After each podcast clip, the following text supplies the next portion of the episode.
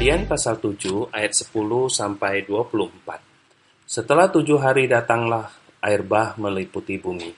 Pada waktu umur Nuh 600 tahun. Pada bulan yang kedua, pada hari yang ke-17 bulan itu, pada hari itulah terbelah segala mata air samudera raya yang dahsyat, dan terbukalah tingkap-tingkap di langit. Dan turunlah hujan lebat meliputi bumi 40 hari 40 malam lamanya.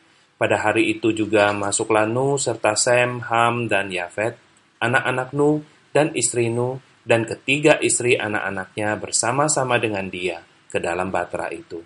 Mereka itu dan segala jenis binatang liar dan segala jenis ternak dan segala jenis binatang melata yang merayap di bumi dan segala jenis burung, yakni segala yang berbulu bersayap, dari segala yang hidup dan bernyawa, datanglah sepasang mendapatkan nu ke dalam batra itu. Dan yang masuk itu adalah jantan dan betina dari segala yang hidup, seperti yang diperintahkan Allah kepada Nuh Lalu Tuhan menutup pintu batra itu di belakang Nuh.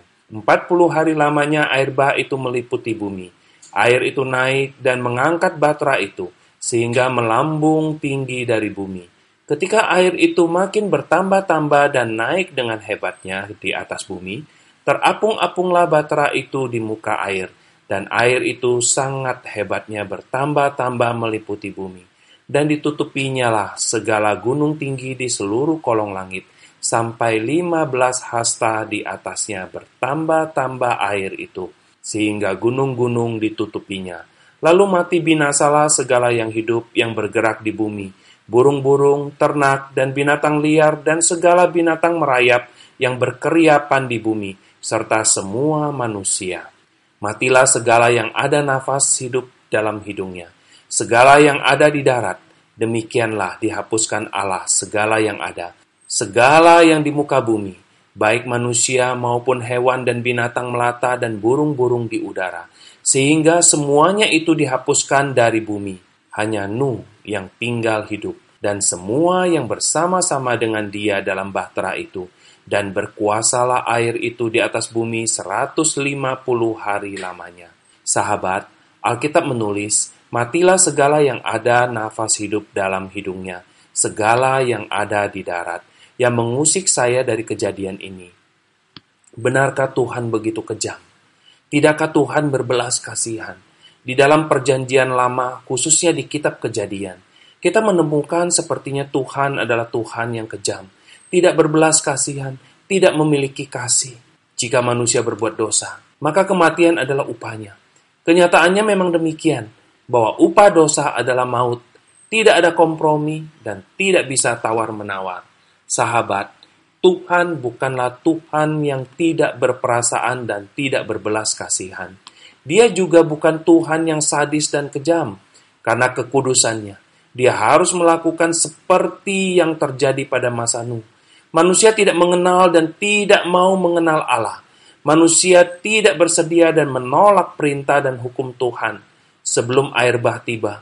Tuhan memberikan kesempatan demi kesempatan bukan dalam waktu yang pendek. Ada yang menafsirkan 120 tahun, yaitu waktu yang diperlukan Nuh untuk membangun Batra.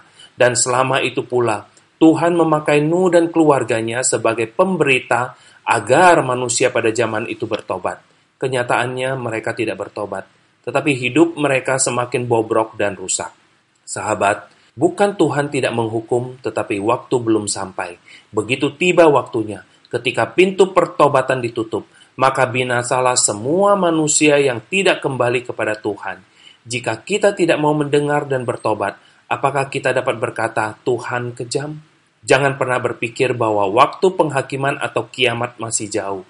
Jangan pernah terlintas di dalam pikiranmu bahwa masih banyak kesempatan untuk bertobat. Tidak ada satupun yang tahu kapan waktunya. Mungkin ketika Anda duduk atau tidur di rumah, Mungkin pula saat Anda di mobil, kereta, kapal, atau di pesawat. Tidak ada yang tahu. Sahabat, saya ingin katakan, sekaranglah waktunya. Jika Tuhan kejam, maka dia tidak perlu memberikan anak yang tunggal bagi kita. Jika Tuhan kejam, maka dia tidak perlu datang ke dalam dunia dan mati di salib. Coba renungkan, mana yang lebih mudah? Membunuh semua yang bernafas atau memberikan anak tunggalnya? Renungkan juga, Mana yang lebih mudah bagi Anda? memecat seorang pegawai yang tidak jujur, atau memberikan kesempatan kepada dia untuk berubah?